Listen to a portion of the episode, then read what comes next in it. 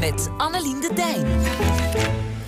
Ja, goedemorgen Annelien de Dijn. Vandaag hebben we uh, jou voor het eerst als boekenrecensent uh, te gast. Want er kwamen zoveel boeiende boeken binnen... dat we sinds kort iedere week een recensent hebben. Uh, je bent hoogleraar moderne politieke geschiedenis... aan de Universiteit van Utrecht. Schrijver van onder andere het boek Vrijheid... over de definitie van vrijheid. je richt je op de geschiedenis van het politieke denken... in Europa en Amerika vanaf 1700. heb je ook nog vreemde historische obsessies... buiten je professionele vakgebied? Bij, ik heb uh, wel een groot interesse voor Amerikaanse geschiedenis, uh, omdat ik er gewoond heb. En wat ik ook heel interessant vind aan Amerikaanse geschiedenis, is dat ze zoveel ruzie maken over hun geschiedenis. Hè. Ze zijn altijd, ja, het is echt een enorm strijdtoneel geworden. En dat vind ik een interessante ontwikkeling. Um, Verder, vroeger wou ik eigenlijk bioloog worden. en ja, ook dat uh, werkt nu nog een beetje door in uh, mijn interesse voor heel grote geschiedenis. Hè, genre Harari of uh, Jared Diamond. Dus dat is, dat is ook een soort hobby van me. Ja, vrijheid lijkt me ook niet per se een, een behapbaar en klein onderwerpje. Ja, klopt. Ja. ja. Um, en en uh, ja, laten we naar de boeken gaan. Je hebt twee boeken uh, deze week meegenomen. Um, allereerst de geschiedenis van de wereld in acht plagen van uh, Johnson Kennedy. Zegt de titel genoeg?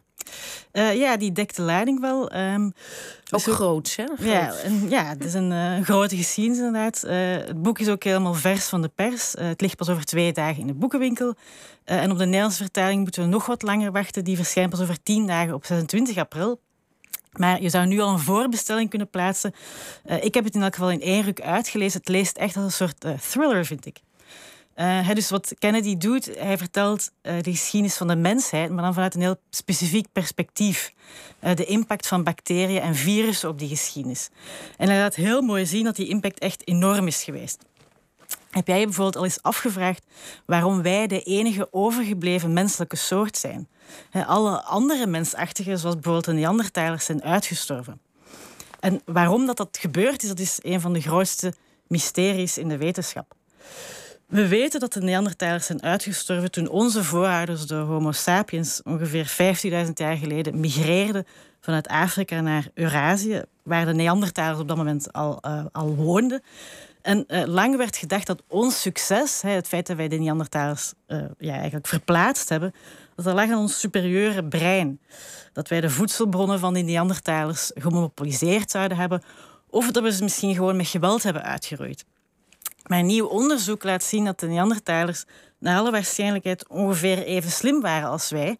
Of misschien zelfs nog slimmer, want ze hadden eigenlijk grotere breinen dan de Homo sapiens. naar alle, wow. ja. naar alle waarschijnlijkheid heeft die overwinning van uh, de mens op de Neandertalers dus niks te maken met ons verstand. Uh, maar, hè, en dat is dus uh, de visie die Kennedy een beetje pusht, met onze ziektekiemen. Want in Afrika, waar onze voorouders woonden, was de fauna en flora veel uitbundiger dan in het koude Europa, waar die Neandertalers woonden. En als gevolg daarvan droegen onze voorouders allerlei ziektekiemen met zich mee, waar die Neandertalers geen weerstand tegen hadden. Dus toen Homo sapiens uit Afrika begon te migreren naar het noorden, toen naar Europa, brachten zij die ziektes met zich mee, uh, met waarschijnlijk dodelijk gevolg voor de Neandertalerpopulatie.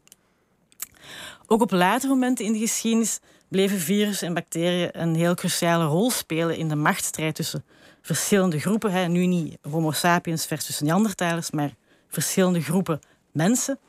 De uitvinding van de landbouw bijvoorbeeld zorgde voor een explosieve toename van nieuwe ziektes, omdat landbouwers zij aan zij leefden met een hele menagerie aan gedomesticeerde dieren en dus ook de ziektes van die dieren overkregen. Uh, dat was in eerste instantie natuurlijk vooral lastig voor die landbouwgemeenschappen zelf. En we weten dat de sterfte in die gemeenschappen initieel vele malen hoger lag dan bij jagers-verzamelaars. Landbouwers waren ook kleiner en ongezonder dan jagers-verzamelaars. Maar van zodra dat die ziekten endemisch werden, omdat de landbouwers daar weerstand tegen ontwikkelden, gaven ze een substantieel voordeel aan landbouwers versus jagers-verzamelaars. Landbouwers die dan nieuwe territoria binnendrongen, brachten die nieuwe ziektes met zich mee.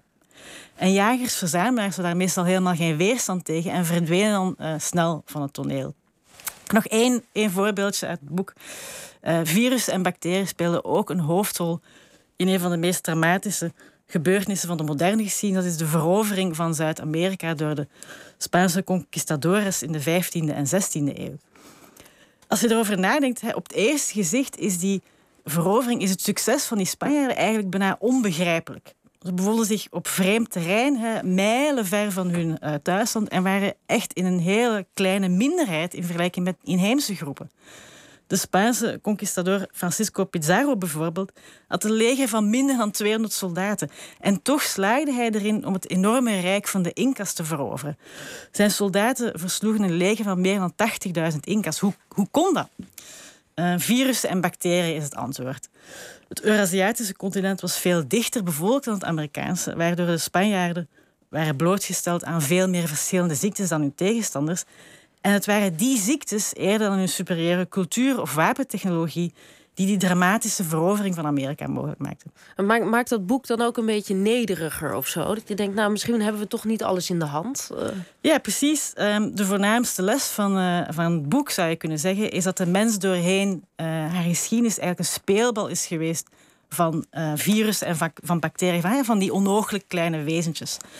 Wat ik nog wel even uh, wil benadrukken, op zich is dat geen nieuw inzicht. De Amerikaanse historicus William McNeill liet dat ook al zien in zijn klassieker Plagues and uh, People uit 1976. En de blurb bij de tekst van Kennedy, dat zijn boek een radicaal nieuwe blik werpt op de geschiedenis van de mensheid, vind ik dan ook een beetje overtrokken. Mm. Uh, maar het is wel zo, hè, de wetenschap heeft sinds 1976 natuurlijk niet stilgestaan. En Kennedy heeft al die nieuwe informatie verwerkt in zijn boek. Uh, en dat maakt het echt wel de moeite waard om het... Uh, nou ja, en het leest blijkbaar goed. En het leest echt als een trein. Ja. Hè. Het is een man die echt kan schrijven. Goed, dan gaan we naar De Uitvinder van Miguel Bonnefoy. Is, is dus ook een actueel boek, begreep ik? ja, zeker en vast. Het, gaat over veel kleiner onderwerp. De, de Uitvinder vertelt de geschiedenis niet van de hele wereld, maar van één enkele persoon. Uh, maar dat is wel een heel interessante figuur. Uh, het gaat hier over uh, het focus op een obscure Franse wetenschapper, Augustin Bouchot. Um, net zoals Geschiedenis van de Wereld in acht plagen leest dit boek echt als een trein. Um, dat komt ook omdat het een historische roman is. Het is dus geen biografie. Maar voor zover ik dat kon beoordelen, is het wel echt heel goed gedocumenteerd. Um, wie was hij? onderlegd ja, in, ja. zonne-energie. Uh. Ja, ja, het was de zoon van een slotenmaker. Um, he, en hij groeide op in het midden van de 19e eeuw in Frankrijk. Ziekelijk, maar uh, slim jongetje. Die begon een carrière als uh, provinciale onderwijzer. Um, maar op een gegeven moment werd hij ziek. En tijdens zijn ziekbed begon hij uit verveling allerlei boeken te lezen. En hij geraakte gefascineerd door het idee dat je dus zon, de, de kracht van de zon kon gebruiken om energie op te wekken. Um, en zijn hele leven heeft hij gewijd aan de zoektocht naar een goed en werkbare zonnemachine. En die zoektocht bracht hem naam en faam. Het Franse leger was uh, heel erg geïnteresseerd in de pannen van Mouchon. Uh, want als soldaten zouden kunnen koken zonder vuur te maken, zouden de Fransen een belangrijk militair voordeel hebben. Want daar zou de rook van die kookvuurtjes hun positie niet verraden aan de vijand. En Mouchon kreeg daarom de steun van uh, de legerleiding. Uh, hij mocht ook een vroege versie van zijn machine uh, voorstellen aan de Franse keizer Napoleon III. Met zijn grootste succes kwam de wereldtentoonstelling van Parijs uit in 1887. Toen hij met zijn zonnemachine, die hij ondertussen gebouwd had, genoeg energie wist op te wekken om van water ijs te maken. Uh, en dat was een verwezenlijking. Dus de, kracht van de zon, daar kon je ijs mee maken. Dat, was echt... Iedereen was daar stom verbaasd over. En alle kranten schreven over deze uitvinding. Daarna ging het helaas snel bergafwaarts met Mouchon. Uh, de ontdekking van nieuwe steenkoollagen en de daaropvolgende daling van de energieprijzen zorgden ervoor dat de Franse overheid haar interesse verloor in dat hele idee van zonne-energie. Mouchon verloor zijn overheidssubsidie en hij moest weer gaan lesgeven om in zijn levensonderhoud te kunnen voorzien. En hij stierf uiteindelijk vereenzaamd en verarmd op 87-jarige leeftijd. En zijn naam raakte helemaal vergeten, net zoals zijn uitvinding. In plaats van zonne, schone zonne-energie zijn we juist veel meer, steeds meer vervuilende steenkool en andere fossiele brandstoffen gaan gebruiken. Dus een, een, portret van een pionier. En dat is vast uh, inspirerend om het nu weer uh, te gaan lezen in deze tijden. Ja, absoluut. Het is ergens een pessimistisch verhaal. Maar ik vond het tegelijk ook heel erg inspirerend. Uh, omdat die man zoveel tegenslagen wist te verwerken. En toch gewoon bleef doorbuffelen. Ja. Goed, hartelijk dank Anneline de Dijn. Volgende week zit hier Wim Berkelaar, u wel bekend. En